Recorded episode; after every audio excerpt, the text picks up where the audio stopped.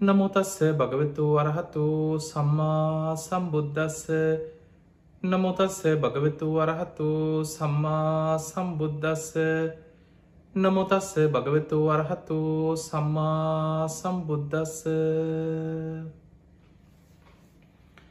පිංහතුනී බණඇසීම අපිට නිවන්දොරටුවක් වෙන. අපි බණ අහනෝ. අපි බොහෝ වෙලාවට මිය පර්ලවගේ ඥාතීන් වෙනුවෙන් ධර්ම දේශනා සිදු කරනවා. අපි දන්න අපේ රටේ ලංකාව ගත්තොත් ඔබේ ඥාතීන් කෙනෙක් මිය පරලව ගියාට පස්සේ. අපි හද්දවසි පින්කම කොහොම හරි මළගේ අවසන් වෙච්ච ගමන් හද්දවසි පින්කම ඒ කටයුතු අතරම ඉක්මනීම සැලසුම් කරලා හද්දවස පින්කම සිදු කරනවා. ඊළඟට මිය පරලවගේ කෙනෙක් වෙනුවෙන් තුම් මාසේ මාස තුනක් සම්පූර්ණ වෙන දවසේ දානයක් දීල ධර්ම දේශනාවක් කරලා හොඳට පින්කම සැලසුම් කළ සිදු කරනවා. ඊට අවතරව මිය පරලවගයාට පස්සෙ කෙනෙක් අවුරුද්ධකින් ඊළඟට අවුරුදු දෙකෙන් තුනෙන් හතරෙන් මෙහෙම අවුරුදු පතා වාර්ෂිකව මිනිස්සු පින්කං කරන ඔබේ ඥාතින් වෙනුවේ. ඊළඟට සමහරු මාසික වනේ අපේ අම් අද වගේ දවසක නැති වුණා. අපේ තාත් අද වගේ දවසක තමයි නැති වුණේ. මේ විදිහට මිය පරලවගේ ඥාතීන් සිහි පත් කරලා. අපි ඒ අයි වෙනුවෙන් නොඒක් පින්කං කරනවා. පිංහතුනී මේ කරන පින්කං අතර ඔබ බොහෝ දෙනෙකුට තියෙන ප්‍රශ්න ගැටලු ඇසුරින් අදාප මේ ධර්මාණු ශාසනාව සිදු කරන්නේ බොහෝ දෙනෙකුට තියෙන ප්‍රශ්න මිය පරලවගේ ඥාතියට ඒ දවසෙම පින් කරන්න ඕන්ද. හරියටම හත්තනි දින හතක් යනකොට මේ පින කරන්නම ඕනැද. තුම්මාස පින්කම ඒ දවසෙම කරන්න චුට්ටක් එහාට මෙහාට වනාට ප්‍රශ්නයක් නැද. ඔය වගේ නොෙක් ප්‍රශ්න තියෙනවා. පිංහතුනී පින කියන එක කවදක් කොත්තන කොයි මොහොතේ සිදු කරත් ඒ පින පිනක්මයි. හැබැයි අපි මිය පරලවගේ ඥාතීන් වෙනුවෙන් දවසක් යොදාගෙන අපි පින් කරන එක හොදක් තියන්ද අපිට කියන්න අහත් දවස පින්කම එහෙමම ඕන්නෑ කියෙන නමුත් ඒක වැදගත්කමක් තියෙනවා. මිනිස්සු ඒ වෙනුවෙන් කොහොම හරි නොකර ඉදැන් අපි දන්නවා පින් කරණය ගැන නෙවෙයි මේ කියන්නේ.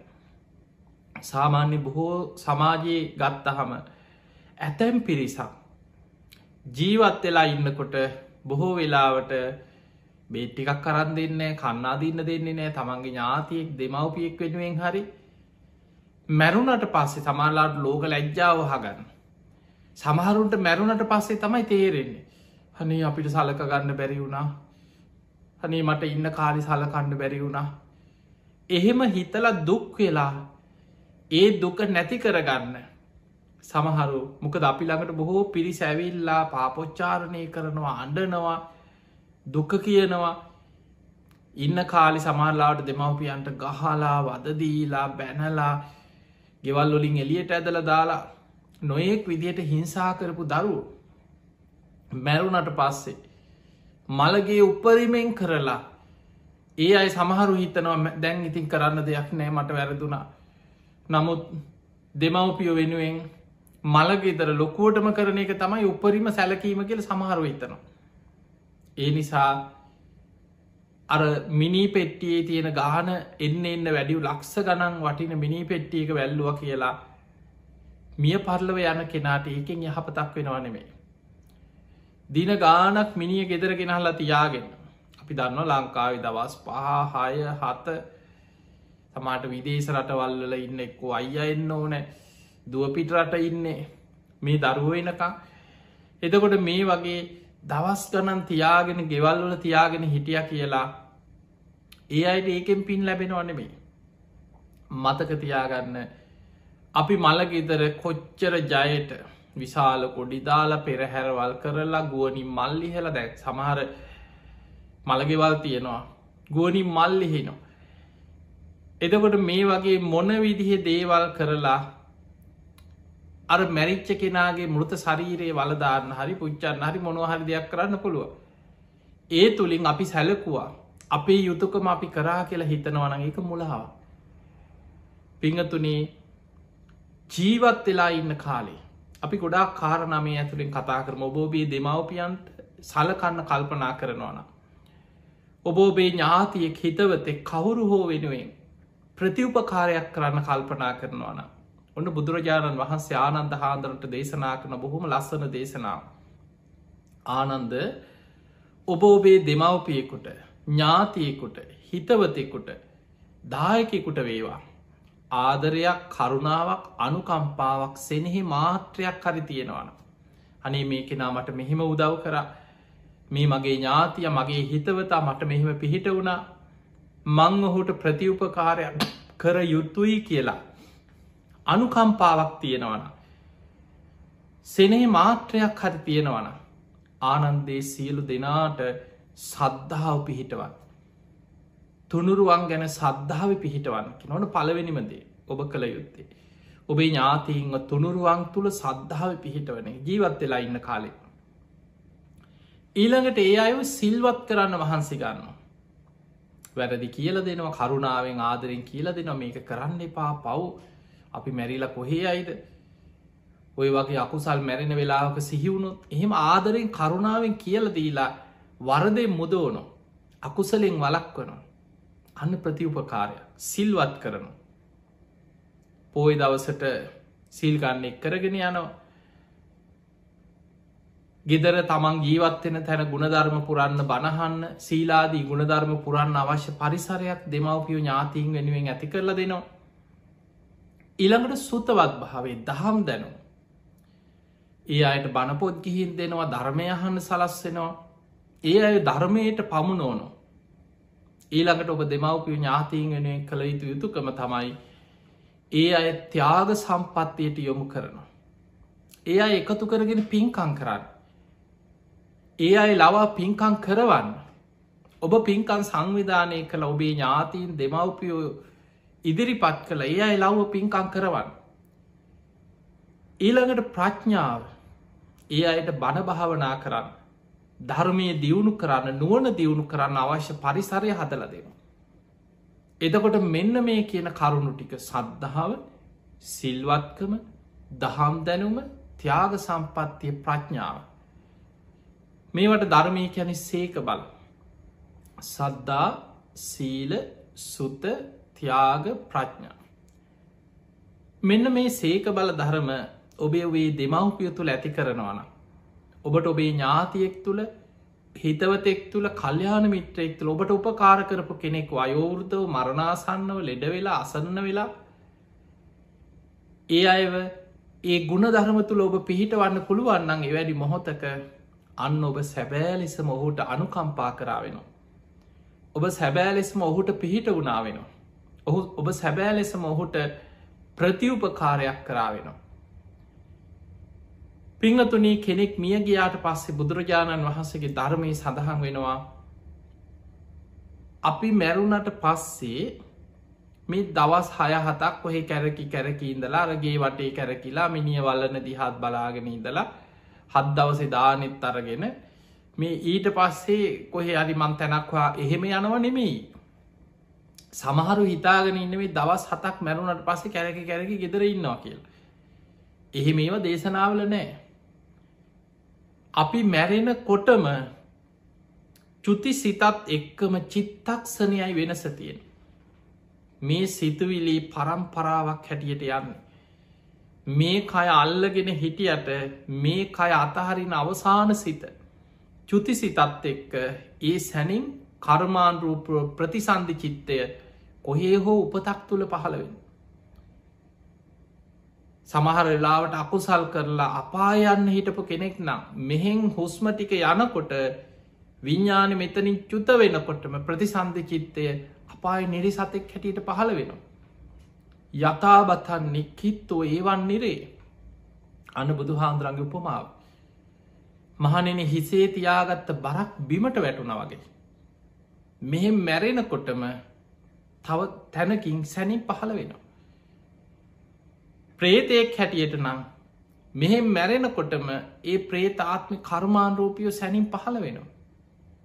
සුගති යන්න කෙනෙක් ගැන හිතන් දිවිය ලෝක යන්න පින් කරපු කෙනෙ අපි හිතම කකුසානය පින බලවත් කියලම හිතම යා හොඳට පින් කරලා එයා හොඳට දන්දීල සිල් රැකල භාවනා කරලා මරණාසන්න කාලෙ පවා හොඳට පින බලවත් කරගෙන හිටපු කෙනෙක් නම්.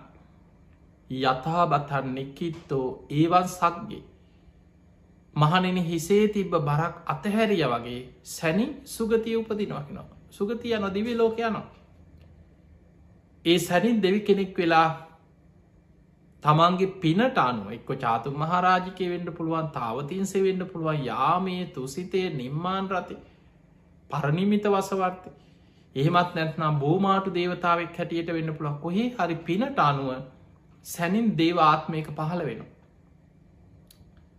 බැරි වෙලා හරි මනුස්ස ලෝකට එන කෙනෙ දැ සමහල්ලාවට ඒ වෙනකොට තමන්ට කර්මාන් රූපිය සැනින් මනුස්ස මවකුස හැදිල නොතිබෙන්න්න පුළුව හැබැයි ඒත් ඔහු ඒ වෙනුවේ ඔහු උපතක් ලබන එතන ගන්ධබ ඔබහල ඇතිව ගන්ධබ්ප කියනක තමයි ගොඩක් අපේ දේශනාවල මේ පටලගෙන තියෙන. ගන්ධබ්බ කියන්නේ උපතක් මනුස්ස මවකුසකට ඇදිලයින කං එතනත් තියෙන උපතක්. විඤ්ඥානි විතරක් පවතින තැනක් ගැන බුදු හාදුරන්ගේ දේශනාවල නෑ. තනියෙන් පවතින් නෑකි නො කොහෙවත් විඤ්ඥාන. සංයුත්ත නිකායි තින බීජ කියල සූට්‍රය බොහෝම ලස්සන්ට බුදු හාන්දුරු පෙන්න්නනවා මහනෙන රූපයෙන් තොර මේ සතර මහධාතුන්ගෙන් හටගත්ත රූපයෙන් තොරෝ. වේදනාවකින් තොරව සංඥාවකින් තොරව සංස්කාරවලින් තොරව තනිව ගමන් කරන විඤ්ඥානයක් ගැන හරි තනිව පවතින විඤ්ඥානයක් ගැන හරි තනිව වැඩෙන විඤ්ඥානයක් ගැන හරි තනිව විපුල භාවයට පත්වෙන විඤ්ඥානයක් ගැන හරි බුදු ඇසින්වත් එහෙම දකින්න විඤ්ඥානයක් නෑ කිට ලෝක. එහෙමන යම් තැනක විඤ්ඥානය පවතිනවද ඒ විඤ්ඥානය පවතින්නෙම නාමරූප ඇසුරු කරගෙන. පටවි ආපෝතේජෝ වායෝ කියන සතර මහධාතුන්ගෙන් හටගත්ත රූපයක් ඇසුරු කරගෙන විඤ්ඥානය පවතින්. වේදනා සංඥා සංස්කාර ඇසුරු කරගෙන විඤ්ඥානි පවතින්නේ. එමනම් විඤ්ඥානය පවතින්නේ පංච උපාදානස්කන්දය විඤ්ඥාන පවතින්නේ පංච උපාදානස්කන්දයක් එක් රූප වේදනා සංඥා සංස්කාර එක්ක බැඳිච්ච විඤ්ඥානයක් තිය. එහිමනං ඒක උපතා. බුදු හාන්දුර උපත පෙන්නන්නේ මහනෙන ඉපදීම කියලා කියන්නේ ආයතනානම් පටිලා ආයතනයන්ගේ පහළවීම. පංච උපාදානස්කන්දයන්ගේ පහළවීම. එහෙමන රූප වේදනා සංඥා සංස්කාර විඤ්ඥාන යම් තැනක පහළ වෙනවද? එතන උපතා. එහෙම නැතුව විඤ්ඥාන විතරක් මේ කැරකි කැරකි උපතක් හොය හොය එහෙම තියෙන තැනක් නෑ. එනිසා මතක තියාගන්න යම් දවසක විඤ්ඥානය නිරුද්ධ වෙනවනන් නිරුද්ධ වෙන්න බුදුහාන්දුරු පෙන්වා එත්තාපෝච පට විතේයෝ වායෝන්න ගහදති. විඤ්ඥානංච නිරෝධේන එත්තේ තං උපරුච්චති. යම් තැනක පටවි ආපෝ තේජෝ වායෝ කියෙන සතරමහා ධාතුන්ගේ නොපිහිටන විඤ්ඥානයක් ඇද. එයින් මිදී යන විඤ්ඥානයක් ඇද. අන්න එතර විඤ්ඥානය නිරුද්ධ වෙලා ඒ නිරුද්ධ වෙන්නේ තන්හාාව නිරෝධය. තන්හක්කයෝ රාධ නිබ්බාන තන්හාාව ශේවීමෙන් ඒක තමයි නිවන කියලා කියන්න. එහෙනම් ඒ විඤ්ඥානය හරියට පහන්සිලක් නිවී යනෝ වගේ නිවිලගි හිල්ල වෙන කොහෙවත් පිහිටන් නැතුව නැති වෙලා යනවා කියන්නේ පිරිනිවන් පෑම නිවයාම්. එතකං අපි මැරුණද කොහේ හෝ කර්මාන් රූපය උපදින්. ඒමනං අපේ මිය පරලවගේ ඥාතීන් වෙනුවෙන්. අපි කළ යුතු යුතුකම තමයි තැන් ඒ අයි අපි හිතම දැන් මැරුණ කිය ජීවත් වෙලා ඉන්න ඇද්දි අපි පුළුවන් තරම් පින් කරා කරානං හොඳයි. ඒ අය පිනට යොමු කරානං ගොඩක් හොඳයි. ඒ අයව සද්ධාවේ සීල සුතතියාග ප්‍රඥා පින්කංවල අපි යෙදෙවන අපිට ගොඩක් සතුටු වෙන්න පුළුව අනේ අයි ජීවත් වෙලා ඉන්න කාලේ අපි ඇය ගොඩක් පින්කංවලට යොමු කරා කුසල් දහමවලට යොමු කරා. ඒ අයි ධර්මීට යොමු කරා කියලා අපිට හිත හිතා ඒ අය ගැන සතුටු වෙන්න පුළුවන්කම තියෙන එතකොට අපි හිතමු ඒ අයි මැරුණා දැන් කෙනෙක් මිය ගියාට පස්සේ හෝ කර ඒ මැරෙන මොහොතෙම ඔහු කර්මාන්රූපය කොහයාට ඉපදිලයි. දැන් අපට තියෙන බොහෝ දෙනෙකුට තියෙන ප්‍රශ්නය තමයි අපි අය වෙනුවෙන් පාසකුල දීල පින් දෙෙනවා මැරිච්චකම මිනිිය වල්ලන වෙලායම් පාසකුල ඇත්දීල පින් දෙනවා. ඊළඟට හත් දවස පින්කම කරනවා ස්වාමින් වහසලා වඩම්මල හරි පන්සල්ට ගිහිල්ල හරි දානයක් දීලා සාංගික දානයක් දීලා පින් දෙනවා එක්ක බණක් කියවනවා ගෙදට හාමුදුර කෙනෙක් වඩම්මල. සමහර වෙලාවට හැබැයි මේ කාලේ අපි දන්න මේ වසංගතයක් එක්ක ලෝකෙ පවතින කාලේ දැන් ඔබට මේ කට අපි දන්න දැන් ඔබ දකිනවා.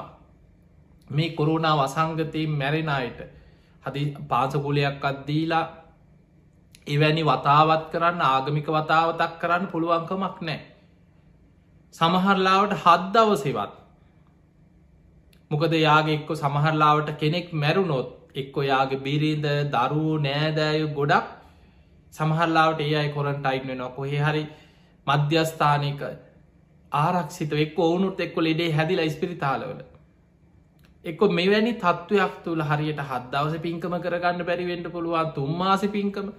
මේ වසංගතය දැන් මාස කීයක් මේ අවුරුද්ධකට එහා දැන් ලෝක ඇදෙනවා. තව කොච්චර කාලයක් මේ වසංගතයත් එක් අපිට ඉන්න වෙයිද අපි දන්නේ. එතකොට ප්‍රායෝගික තලේ ගත්තොත් නොසිතන විදිහට අපිට අපේ මිය පරලව යන ඥාතිීන් වෙනුවෙන් පාන්සකුලයක් දී ගන්න බැරි වෙනවා. හත් දවස පින්කම කරගන්න බැරි වුණා. දැ මේක තුළ කෙනෙකුට හිතෙන්න්න පුළුවන් පාන්සකූලි දෙන්නත් බැරි වුණා හද්දවස පින්කම කරගන්නත් බැරි වුණා. අයෝ අපේ මියගේ ඥාතිය බොහොම අසරණ වෙලා ඇති. එයාට පින් ගන්න බැරුවම ඇති. පින් දෙනකන් තාම බලාගෙන ඇති එහෙම හිතෙන්න්න එහෙම තත්ත්වයක් නෑ පින්ගතුනි ඔබ පාන්සකූලි කරත් නැතත් ඔබ හද්දවස පින්කම කරත් නැතත් ඔහු උපදින්නේ ඔහු සසරි රැස්කරගත්ත කර්මයට අනුව තමන් ජීවත් වෙලා ඉන්නකොට කරපු පින්කංවලට අනුව තමන් කර්මාණරූපය උපදින. අපේ යුතුකමක් තමයි මිය පරලවගේ ඥාතීන් සිහිපත් කළ පින් කරනවා කෙන ඒ අපේ යුතුකමක්. අපි ඥාති ධර්මයක් ඉෂ්ට කිරීමක් වසෙන් යුතුකමක් ඉෂ්ට කිරීමක් වසයෙන් තමයි මිය පරලෝගේ ඥාතිංගනුවෙන් පින්කං කරන්න. ඒ පින්කම තුම්මාසෙන් හරි හත් දවසෙන් හරි අවුරුද්ධෙන් හරි ඒ දිනේම සිහි කරලා කරන එක හොඳයි. හැබැයි ඔබට අපි හිතම ඔබට ඒ දිනේම සිහි කරල කරන්න බෑ කියලා. ඔබට පුළුවන් ඕනෙම දවසක. ඒ මියගේ ඥාතියා වෙනුවෙන් ඔබ පින්කං කරන්න. ඒ කරන පිනයාට අනුමෝදන් වෙන්න පුළුවන්කම තියෙනවා. පින්වතුනි පින් අනුමෝදන්දැයි සමහරුන්ට අපිට විතරක් නෙම අපිකම් බුදු හාමුදුරන් කාලේ. හරි ලස්සන දේශනාවත් තියෙනවා. මේ කාරණාවලටම එකතු වෙච්ච කාරණයක්. බුදුහාන්දුරන්ගේ කාලේ ජානුස්සෝනි කියලා බමුණෙක් දවසක් මේ බමුණ බුදුරජාණන් වහන්සේ ළඟට ඇවිල්ල හන ස්වාමීණී භාකතුන් වහස මට මියගිය ඥාතීන්ට පින් අනුමෝදන් කිරීම ගැන ප්‍රශ්න ගොඩක් තියෙන. ඒ තමයි අපේ මිය පරලව යන ඥාතීන් වෙනුවෙන් අපි පින්කං කරනවා. ඒ අයට පින් දෙනවා. සාමීනී භාක්‍යතුන් වහන්සේ ඒ අයට මේ පින් ලැබෙනවද කියලැහ ඔන්න බලන්න හබ ප්‍රශ්න අපි මිය පල්ලෝගේ ඥාතිීගෙනුවෙන් පින්කං කරනවා පින් දෙනවා ඒ අයට මේ පින් ලැබෙනවද කියලැහු එතකට බුදුරජාණන් වහන්සේ වදාලා බුදුරජාණන් වහන්සේ වදාලා ජානුස්සෝනි සුදුසු තැනදි ලැබෙනවා නොසුදුසු තැන ලැබෙන්න ෑ කියෝ අන බුදු හාදරංග උත්තරේ සුදුසු තැන ලැබෙනවා නොසුදුසු තැන ලැබෙන්නේ කෙටියෙන් හකුලෝල කිවේ. එතකොට මේ ජානුස්වනි කල්පනා කරලහන අනේ ස්වාමිනී භාකතුන් හස පින් ලැබෙන සුදුසු තැනමොකක්ද. පින් නොලැබෙන නුසුදුසු තැනමොකක්ද. මට විස්තර කරලා කියන්න මට එක තේරුම්ග නමාරුයක ඔහොම කිවට මට විස්තර කරලා කියන්න. අන්න එතනති බුදුරජාණන් වහන්සේ වදාලා ජානුස්සෝනී එක මේ වගේ. මිය පරලව ගිය කෙනා අපි හිතම මැරිලා අපි දන්නේ නෑන අපි නිකා හිතම කවුරු හරි අකුසල්ම කරපු කෙනෙක් පව්කම්ම කරපු කෙනෙක් මරණින් මත්තේ නිරේට වැටුණ කියලා අපි දන්න අපි නිකං උපකල්පනය කරම. බුදු හාදුරු පින් ගන්න පුළුවන් තැම් බැරි තැම් පෙන්න්නන ආකාරය. යම් කිසි කෙනෙක් නිරේ උපදිනවා. එයාගේ ඥාතීන් නෑදෑව යාලු එකතු වෙලා යා වෙනුවෙන් ගොඩාක් පින්කංකන අනේ අපේ ඥාති අනේ අපේ හිතවතා පින්ක් දෙනවා. යාට පින්කං කරන. එයාට පින් ගන්න බෑ. එයා දන්නෙත් නෑ. යාට පින් අනුමෝදන් වෙන්න බෑ. අපායි තුළ බොහෝ දුක්විදිනවා එයාර යම පල්ලෝ අද දෙනකොට ඒවැම් බේරෙන කෑග ගහ විලාපදිදී දුව දුව දුක්විදි නොමිසක් එයාට පින් අරගෙන සූපත්වෙන්න පුළුවන්කමක්නේ අන්න පින්ගන්න බැරි අභහුවය තැන. ඊළඟට අපි මිය පරලෝගේ ඥාතියාව සිහි කරලා පින් දෙනකොට ඔහු මැරිලා තිරිසන් ලෝක ඉපදුනා කළ හිතන් බුදුහාන්දුරන්ගේ දේශනාවල පෙන්නනවා. බුදුහාන්දුරුව ඉන්න කාලෙත් ඔය සමහර සිටුවරු. බොහොම දනවත් සමහර සිටුවරු පවා මැරිලා ඒ සිටු නිවසෙම තෝදෙය බමුණ වගේ බමුණු ඒ සිටු නිවසෙම බල්ලෙක් වෙලා ඉපදිච්ච සිදුවීම් ගැන බුදුහාන්දුරෙන් කාලි තියෙනවා. එතකොට අපි ගම සමහරු ඒ ඉඩම එම සතෙක් වෙල කො කොහේ හරි මොකෙක් හරි සතෙක් වෙලා උපදින තිරිසං ආත්මික උපදේ දැන් එයාගේ නෑදෑයෝ අනේ අපි මැරිච්ච තාත් තබා පසීය කියලා හිතල සිහි කළ පින්කං කරන පින් දෙනවා. එයා දන්න එයාට ඒ පින්ගන්න තරන් ඒ තිරිසං ආත්ම ඉන්න සත්වයකුට පින්ගන්න තරන් නුවනක් නෑ එයා දන් දැන් ඔබ නිකං හිතන්න. අපි පින් දෙනකොට ඒ පිනට අනුව ආහාරපාන පහළ වෙනවා වස්ත්‍ර පහළ වෙනවා සාපි පාසා සංසි දෙනවා කුසගින්න නිවෙනවා සැප සම්පත් පහළ වෙන අපි හෙමන අහලති නෙමයි ධර්මය තියෙන් දැන් අපි හිතම ඔබ. ඔබේ මිය පරලෝගේ ඥාතීන්ට හරිෙක්කු කවුරු හෝ මියගේ ඥාතියෙක් වෙනුවෙන් පින් දෙනකොට එක් ඔය සිරිසන් සත්තුන්ට කෑමබීම මේ වෙනම පහළ වෙනවද? ඔවුන්ට අමුතුවෙන් විශේෂෙන් ලැබෙන අමුතු සැප සම්පත් විමාන පහළ නෑ එහෙම පහළ වෙන්නේ ඒ ඒ සත්‍යයෝ තිරිසල් ලෝකවල තියෙන්නේ එක්කෝ එක එක සතා මරාගෙන කනම් පුංචි සතෙක් තව සතෙකුට ගොදුරා ඒ සතා තවත් ලොකු සතෙකුට ගොදුරා ඒ සතා තවත් ලොකු සතෙකුට ගොදුරා ඔබ බලන් තිරිසන් ලෝකයේ මේ තිරිසන් සත්තු කියන්නේ හැම වෙලාම බයෙන් තැති ගැනීමෙන් ජීවත්වෙන පිරිසක්. අපායක් කියන්නේ එකයි හැම වෙලාම කාට හෝ ගොදුරක් වෙනවා. ඒ සතා තව සතෙකුට ගොදුරක්. ඒ සතා තවත් ලොකු සතෙකුට ගොදුරා එකිනෙකා මරාගෙන කමින් ජීවත්වෙන්නේ බයෙන් තැති ගැනීමෙන්. තමන් කුසගින් එනකොට මොකක් හරික ගොදුරක් හොයාගෙන යනවා. එක්ක සමහර සත්තු ඉන්නවා ශාක භක්ෂක. ඔවුන් ගහක කොලයක් හරි ගෙඩියක් හරි මොනවා හරි. එහෙම දෙයක් හාලා කුසගින්න නිවාගන්න එතකොට මේ විදිහට තිරිසන් ලෝක ස්භාවයකයි අපි දෙන පිනෙන් ආහාර පාන ලැබෙනව නෙමේ ඊළඟට අපි හිතමෝ මිය පරලව යන ඥාතිය හොඳට පින් කරගත්ත කෙනෙක් කියල්. යා හොඳට දන්දීලා පින් කරලා සද්ධාව දියුණු කරලා අඩුගානෙ මැරෙනකොට බුදුගුණ හරි සිහිකරගෙන සුගතියක හිත පිහිටවාගෙන මැරිලා එයා මරණින් මත්තේ මනුස්ස ලෝකෙම ඉපදුනා කියලා හිත. දැන් එයා මනුස්ස ලෝක ඉපදිලා. අපි හිතම දැන් සමාරලාවට එයා මැරිල් අවුරුදු පහයි. අපි ලොකු දානයක් පින්කමක්න දැන් එයා මනුස්ස ලෝක ඉපදිලානෙ අප හිත මාරියට අවුරුදු තුනක හතරක විතර පොඩි දරුවෙක් දැන් ඉපදිලායින්න තැම් සෙල්ලං කර කර ඉන්න එක්කෝ ඉපදිලා ටික දවසයි. අම්මගෙන් කිරි බොනෝ මෙහෙම දරුවෙක් හැටියට යා මනුස්ස ලෝක ඉපදිලා. එයාගේ පෙරජීවිතේ නෑදෑව ඥාතිීන් එකතු වෙලා පින්කංකන අනේ අපේ අම්ම නැති වෙලා දැන් අවුරුදු පහයි. අවුරුදු හයක් වෙනවා. අපේ තාත්ත නැති වෙලා දැම් මේ හයවෙනි අවුරුද්ධ හතරවෙනි අවුරුද්ධ පින්කං කරනවහි එහෙ. පින් දෙනකොට අර ඉපදිච්ච ළමයට නිකං කෑම බීම පහළ වෙනවා ඇඳුම් පහළ වෙනවා වස්ත්‍ර පහළ වෙනවා විමාන ගෙවල්දරවල් එහෙම පහළවීමක් නෑ එනම් මනුස්සලෝක ඉපදිච්ච කෙනෙකුට ඒ පින් ලැබෙනවා නොවේ. යාට පින් ගන්න පුළුවත්තනක් මනුස්සලෝක මනුස්සලෝකයේ පින් ගන්න ක්‍රමේ තියෙනවා. අර වගේ ඥාතීන් දෙන පින් ගන්න බෑ. කොහමද මනුස්සලෝක පින් ගන්න? ද ඔබට එකත් හිතෙන්ට පුළුවන්. මනුස්සලෝකය අපිට පින්ගන්නේ අපි පින් කරනවා.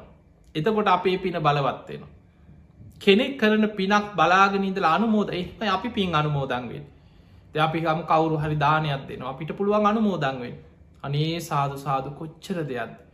මාත් ඔයා කරපු පින් අනුමෝදන් වෙනවා කියලා හදවතිම සතුටු වෙනකොට ඒ චේතනාව තුළ අපේ පින වැඩෙනවා. ඒ පින අපිටත් අනුමෝදන් වෙන කවුරු හරි මහා පින්කමක් කරන ලොකු සෑවන්දනාවක් කරනු අට පිරිකර පූජාවක් කරනු කොහේ හරික්ක දුගී මගේ යාචකයන්ට දානයක් දෙනවා.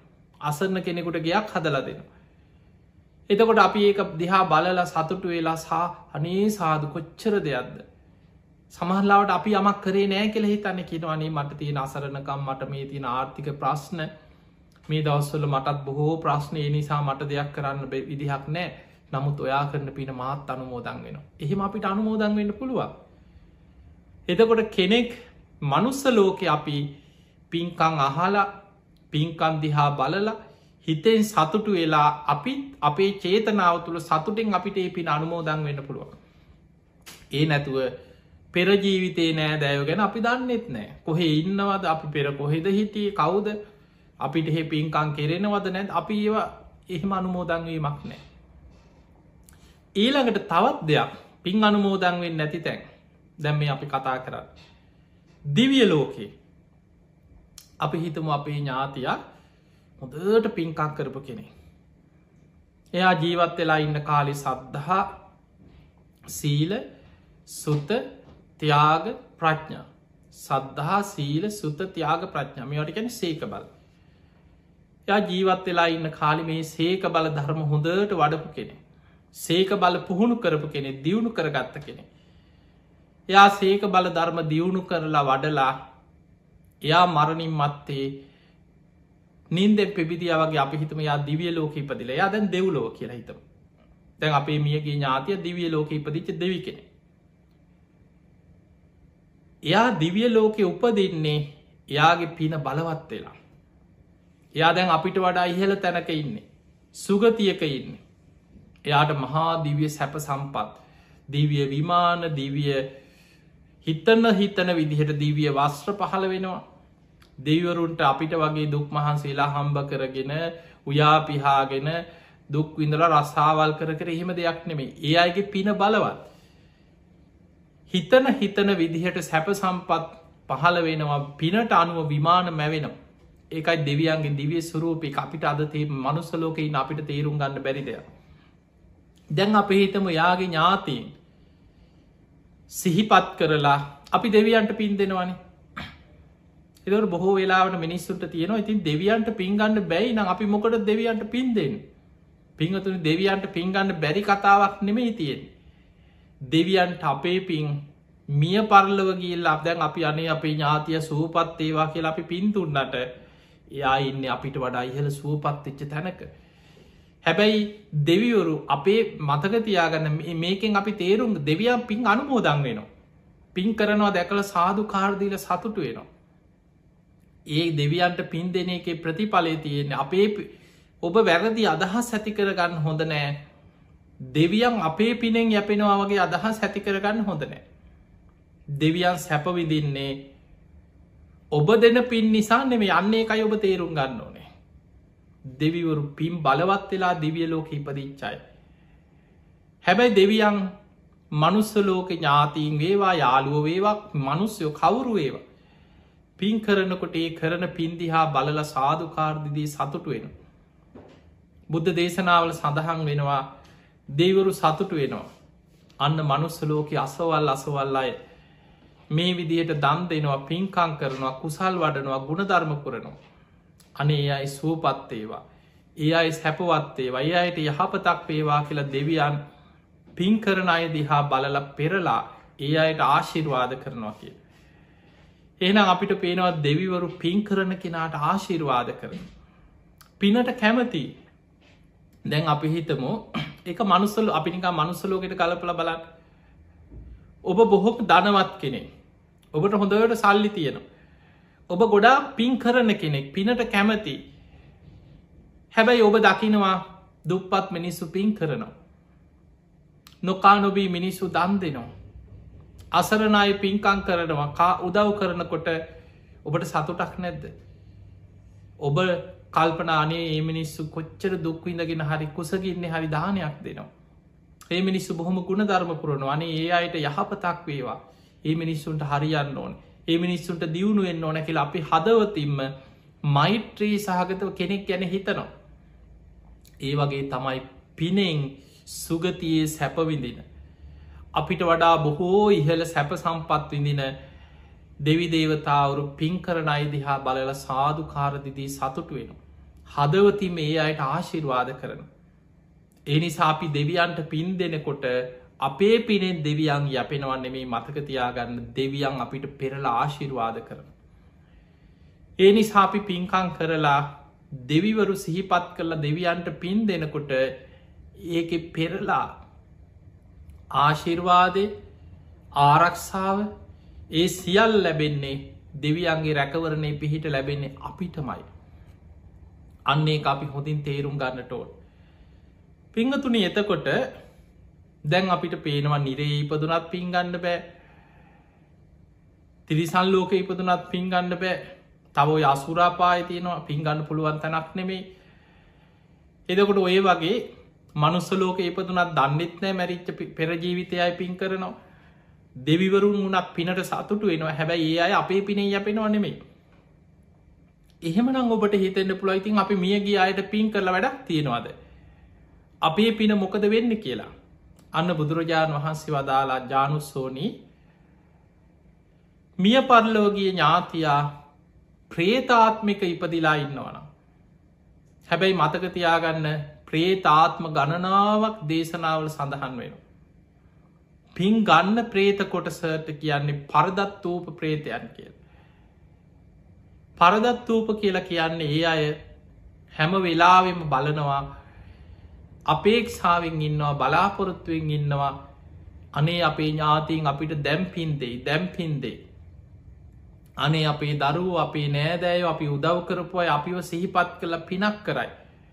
අපිට පින්දෙයි එහෙම හිත හිතා පින ගැන අපේක්ෂාවෙන් ඉන්න ප්‍රේත කොට සක්කින්න අන්නේ අයට ධර්මය කියනවා පරදත්වූප ජීවී ප්‍රේතයෝ කියලා කියන අනුන්ගේ පින් අපේක්ෂාවෙන් ඉන්න පිරිස. ඒ අය පින් දෙනකොට පින් අනුමෝදං වෙනවා. අන්න එතකොට පිනෙන් ඒ අයට ඒ පිනේ තියෙන බලවත්කම් මත ඒ අයට සැප සම්පත් පහළවෙන් සැප සම්පත් කියන්නේ ඒ අයට කුසගින්නේ හිටපු ප්‍රේත පිරිසක් නම් කුසගින්න සංසිදෙන ආහාරපාන පහළවෙන් පිපාස හිටිය නම් පිපාසි සංසිදනවා පැම්පොකුණු පැම් පහළ වෙන සමහර ප්‍රේතිව ඉන්න වස්වයක් නෑ හැබැයි පින් අනුමෝදන් කරනකොට වස්්‍ර දන්දීල ඒ වගේ පින්කං කරලා පින් දෙනකොට ඒ අයට වස්්‍ර පහල වෙන. දිවිය සලු වගේ වටිනා සලු පිළි ඒ අයගේ ශරීරවලට සැපුවත් සලු පිළි පහළ වෙන. විමාන ඒ අයට සැපසේ ඉන්න පුළුවන් විමාන පහළ වෙන. එදකොට යානාවල් පහළ වෙන මේ වගේ ඒ ප්‍රේතයන්ට වනත් පින බලවත් වෙනකොට සමහර ඇතැම් දෙවිවරු වගේ සුළු කාලෙකට පිනේ බලය තියෙන තාක්කල් සැපවිදිනවා. සුළු කාලෙකට අපි එක තේරුම් ගම පස්සේ දැම් ප්‍රේතයෝ අතර පින්ගණ්ඩ බැරි ප්‍රේත කොටස් තමයි ගොඩාක්කින් මොකක් දෙකට හේතුව. ඒකට හේතුව තමයි ජීවත් වෙලා ඉන්න ඇදදි මනුස්සලෝකෙද පිනට ගරහා කරල. පින්කං කඩාකප් පල් කරලා. පිනට නින්දා කරලා අකුසල් රැස් කරගෙන තිබුණොත් මැරිලා ප්‍රේත ලෝක ඉපදුනත් පින්ගන්න බැරි ප්‍රේත කොට්ටාසවල උපදින. අන්න ඒක හොඳින් මතක තියාගන්න. පිංහතුනි ධර්මය සඳහන් වෙනවා සමහර ප්‍රේතිව ඉන්නවා මේ අවුරුදු පණහක් හැටක් මේ මනුස්සලෝක ජීවත්වෙනවා වගේ නෙමෙයි. කර්ම විපාකය යම්තා බලවද්ද සමහරලාවට අවුරුදු දාහක් අවුරුදු දස දහසක් අවුරුදු ලක්ෂයක්. අසංකේය කල්ප ගනම් ප්‍රේතාපායි දුක්විනිට ප්‍රේතියෝ ගැන සඳහන්ව සමහර ප්‍රේතියෝ බුද්ධාංකුර හතර කකු සඳ කෝනාගමන කාශ්‍යප. ඒ බුද්ධ ශාසනවල ප්‍රේත ලෝකෙම ඉඳලා ගෞතම බුද්ධ ශාසනය පින්ගත්ත ප්‍රේතියෝ ගැන සඳහන් වෙනවා. එහෙමනං අපිට පේනවා මොකද ප්‍රේතාත්මය කියන්නේ? ඕපපාතිකෝ පහළ වෙන සියුම් ශරීරයක්. ඒ වේදනා විදිනවා කෑ ගහනවා බිලාප දෙනවා දුක් විදිනවා හැබැයි චුත වෙන්න. ඒ ආත්මෙන් ගැලවිලා යන්න යන්න එකයි වෙනස. ඒ නිසා පිංහතුනේ බොහෝ ප්‍රේත දැන් නිජ්‍යාම තන්හික කියල ප්‍රේත කොටසක් ගැන තින පින්ගන්න බෑ. කුප්පිපාසික කියල ප්‍රේත කොට සක්තින පිපාසින් කුසගින්නෙන් වේදනාවෙන් දැවෙනවා පින්ගණ්ඩ බෑ. පාන්සු පිසාච කියල ප්‍රේත කොට සක්කින්නවා. ගූත කාදක අසූචි ආග්‍රහණය කරන ප්‍රේත කොට සක්කින අසූචිවලින් යන්තන් කුසගන්න නිවෙන එච්චර දැන් ඔය ඌරෝ ඉන්න. කන්නේ අසූචිනේ දැන් අපිට අසූචි කියපු හම අම්මෝ කියලා හිතෙන්න්න පුළුව ඌරට ඒක සුදහපෝජනයව එක ඒක සතාට කර්මාන් රෝපීව අපිට අපිරි අදේ තව කෙනෙකුට කුසගින්න නිවාගන්න ප්‍රියයි. එක ඒක දේවල්. පනුව ඉන්නවා. අසූචිවලම හැදෙන පනුව සත්තු කොච්චර ඉන්නවද? ඔවුන්ට ඒක රසාහාරය කර්මාන් රෝපීව සමහර ගූතකාදක කියන ප්‍රේතයෝ ඉන්නවා පින් ගන්න බෑ. අසූචි විතර යාග්‍රහණය කරනකොට කුසගින්න නිවේ. ඉලාට කුණු පාස කියල ප්‍රේතකොට සක්කින්නවා මලකුණු ඒවෑ ඕජාව විතරක් ආග්‍රහණය කරනවා ඒව උරාබනවා කෙනෙක මනුස්්‍යය බොනවාගේ නෙමෙයි. ආග්‍රහණය. සියුම් සරීරණ පින්ගන්න බෑ. තවයින්න අක්නි ජාල මුළු ඇඟම ගිනි ගන්නවා පිච්චෙනවා.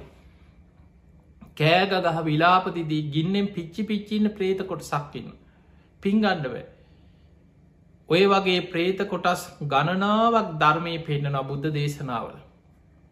හැබැයි ඔය අතර එක කොටසක් ගැන පෙන්න්නනවා පින්ගන්න පුළුවන් ප්‍රේතිව ඒ අය හැමවෙලායි මනේ අපේ ඥාතින් අපිට දැම්පින්දේ අපිට දැම්පින්දේ අපි සිහිපත් කළ අපිට දැම්පින්දේ සිහිකර කර හිත හිතා හිත හිතා පින්ගන්න බලාගෙන ආසාාවෙන් ඉන්න. එතකොට අපි හිතමු දැන් අපි එකතු වෙලා මිය පරලෝගේ ඥාතිය පින්ගන්න පුළුවන් තැනක ඉන්න. අපි යාට පින් දෙනවා. අන්න එතකොට ඒ අයි සාධු කාරදිදී සතුටින් ඒ පින් දැන් පින්ගන්නගේ ඇතුළට මෙන්න ඕන කියල එකක් නෑ ඒ නිස මේ මොකද ගොඩාක් මේ පින් අනුමෝදන් කිරීම මියගිය ඥාතීන් සම්බන්ධ මිත්‍යා මතවාද සමාජි ගොඩාක් පැතිරලා තියෙන සමහරුකෙනගේ ඇතුළ පින් දෙන්න හොඳනෑ ගෙටේනවලු. එතකොට මේ වගේ අදහස් මැරිච් අයට ගෙදර පින් දෙන්න එපා කියනවා. පින් පින් දෙන්න එහෙනම් පාරට එක්ක ගහක් උඩට නැගල හරි කොහරි යන්න ඕොද ඔයාගෙන අන්නොන්ද එක් සෝන ළඟට කියලා විතරද පින් දෙන්න තියෙන් එහෙම එකක් නෑ.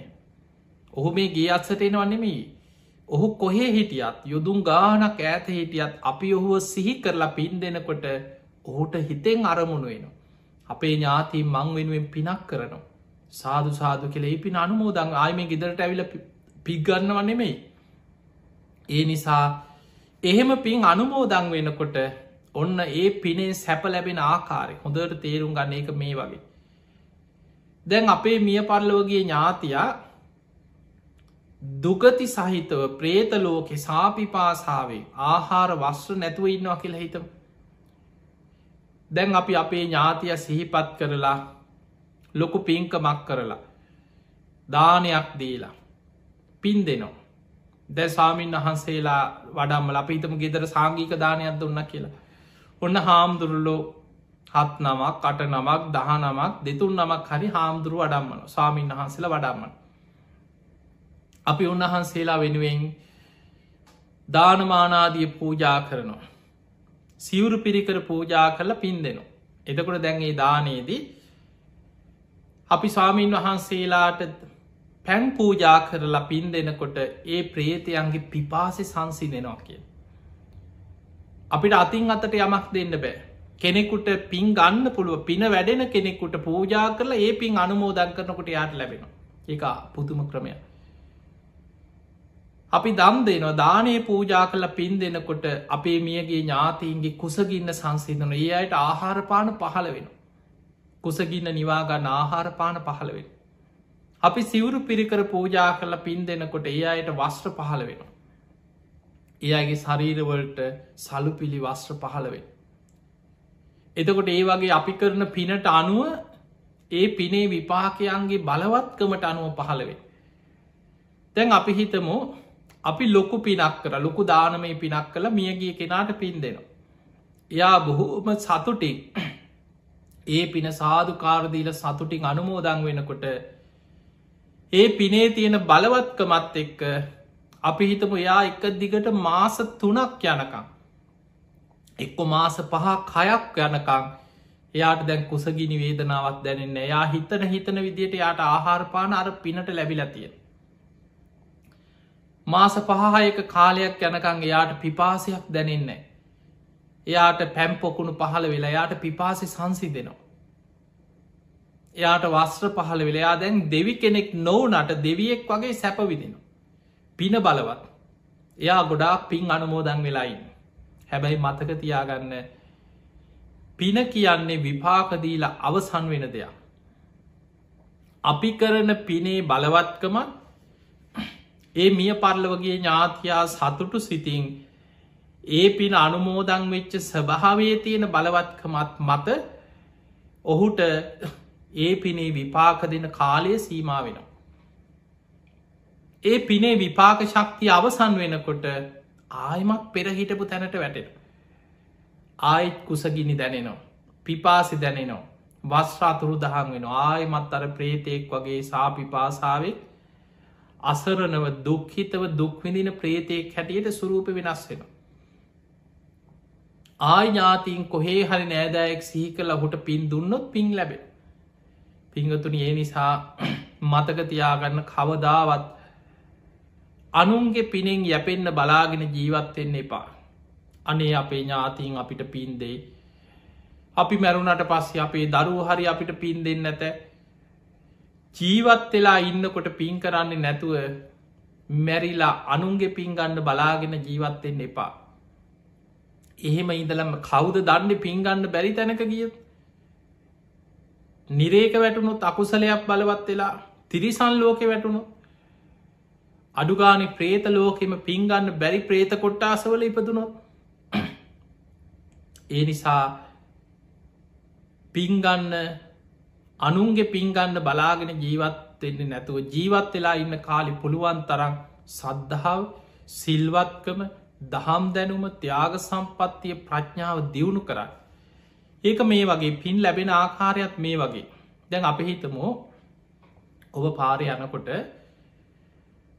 ඔබ සමහර වෙලාවට දකිනවා අසරන හිඟන්ව ඉන්නවනේ.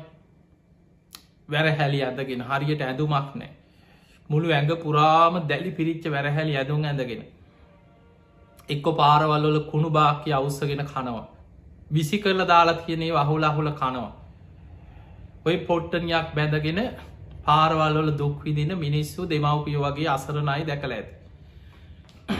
අපි හිතම ඔබට එවැනි අසරන මනුස්සේ දැක්කට පස්සේ පාර යනකොට සමහරුන්ට දැක්කහම අනුකම්පා ඇතිර ගොඩාක් අයිතින් ඔය පොඩි මුදලක් එක්කරුපියලක් දෙකක් දෙන සමහරුපිය පහත් දහයක් දෙනවා.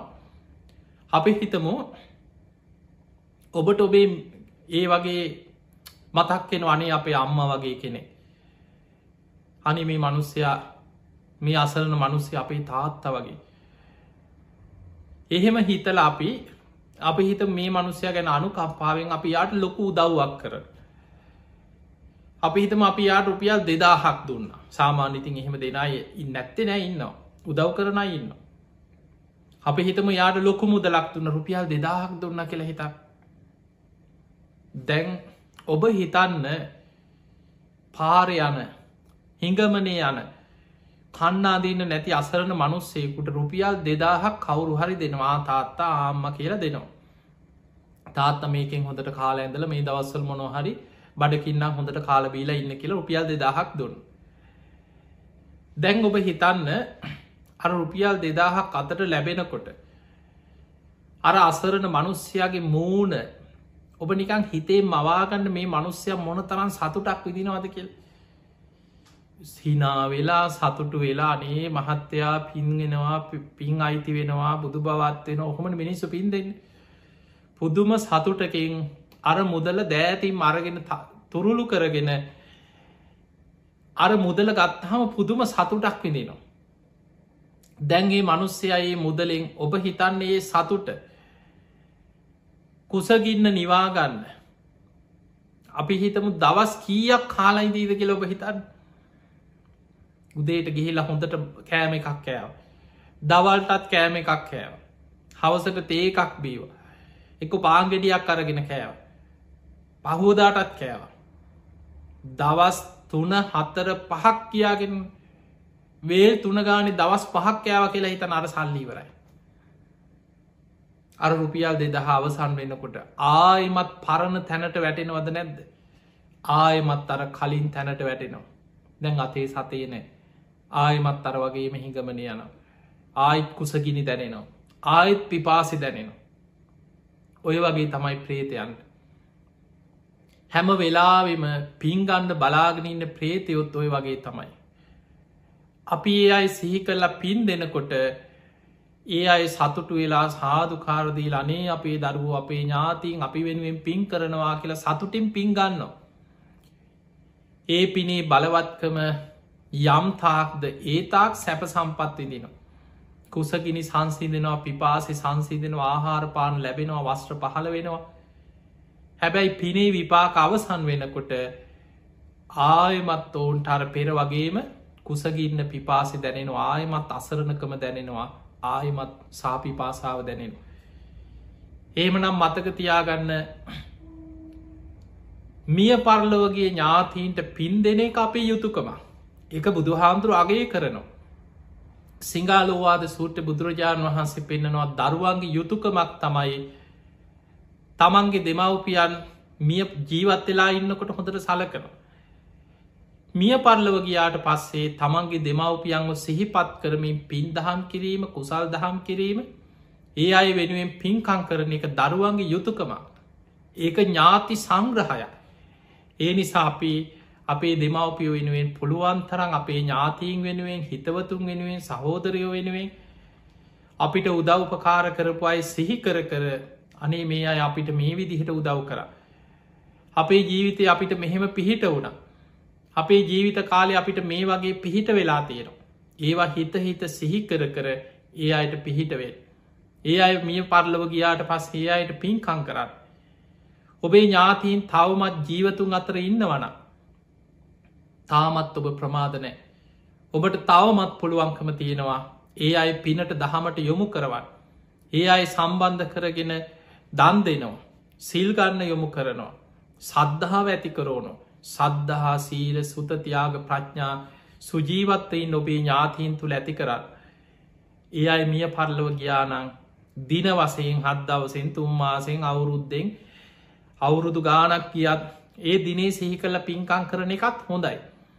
ඊට අමතරව ඔබට පුළුවන් හැම වෙලාවකම නැති බැරි අසරණ කෙනෙක් වෙනුවෙන් පිහිට වුණත් ඔබ කරන හැම පිනක්ම ඔබේ මියගේ ඥාතියෙන් සිහිපත් කළ අනුමෝදන් කර. තව එකක් තියෙනවා අර ජානුස්සෝනි යහනෝ ස්වාමීණී භාග්‍යතුන් වහන්ස අපේ මිය පල්ලවගේ ඥාතියාව සිහිකර අපි පින් දෙනකොට. ඒ කෙනා පින්ගන්න බැරි තැනක ඉපදිලා හිටියෝ අඩුගාන අප හිතම යා සුගතිය දිවිය ලෝකෙ. ඒ පින අහක යනවද කියලා. ඔය ප්‍රශ්නය ඔබටත් තියෙන්ට පුළුවන්නේ ඔබ මිය පරලවගේ ඥාතීන් කීප දෙනෙක් සිහි කරලා පින් දෙනකොට ඒ අය පින්ගන්න බැරි තැනක හිටියොත්. පින නිකං අපරාධනි වගේ හිතෙන්න්න පුළුව. පින අහක යනවද. අපරාධනිකම් පින අන්න එහෙම හිතෙන්න්න පුළ හිම අහක යන්නේ. බුදුරජාණන් වහන්සේ පෙන්නනවා ජානුස්සෝනී අපේ දීර්ඝ සංසාර ගමනේ පින් අපේක්ෂාවෙන් ඉන්න ඥාති මෙපමණයි කෙල සීමා කරන්න සමට අපේ මේ ජීවිතය අම්ම සුගතිය වෙන්න පුළුව.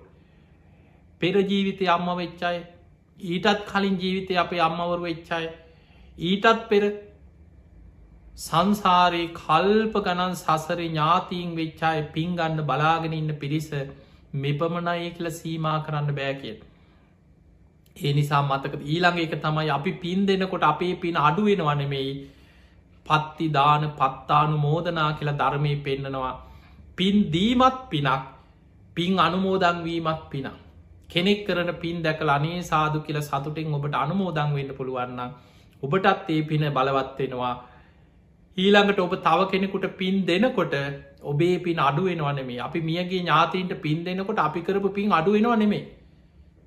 බුදු හාමුදුරන්ගේ උපමාව පෙන්නුවේ එක පහනකින් පහන් දහස් ගානක් දල්වන්න පුළුවන්.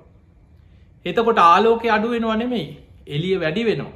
ඒ වගේම අපි පින් දෙනකොට මෛත්‍රියෙන් කරුණාවෙන් අනේ අපේ ඥාතයෙන් සුවපත්තේවා කියලා හිතලා පින් දෙනකොට අපේ පින් තව තවත් බලවත්වෙනවා.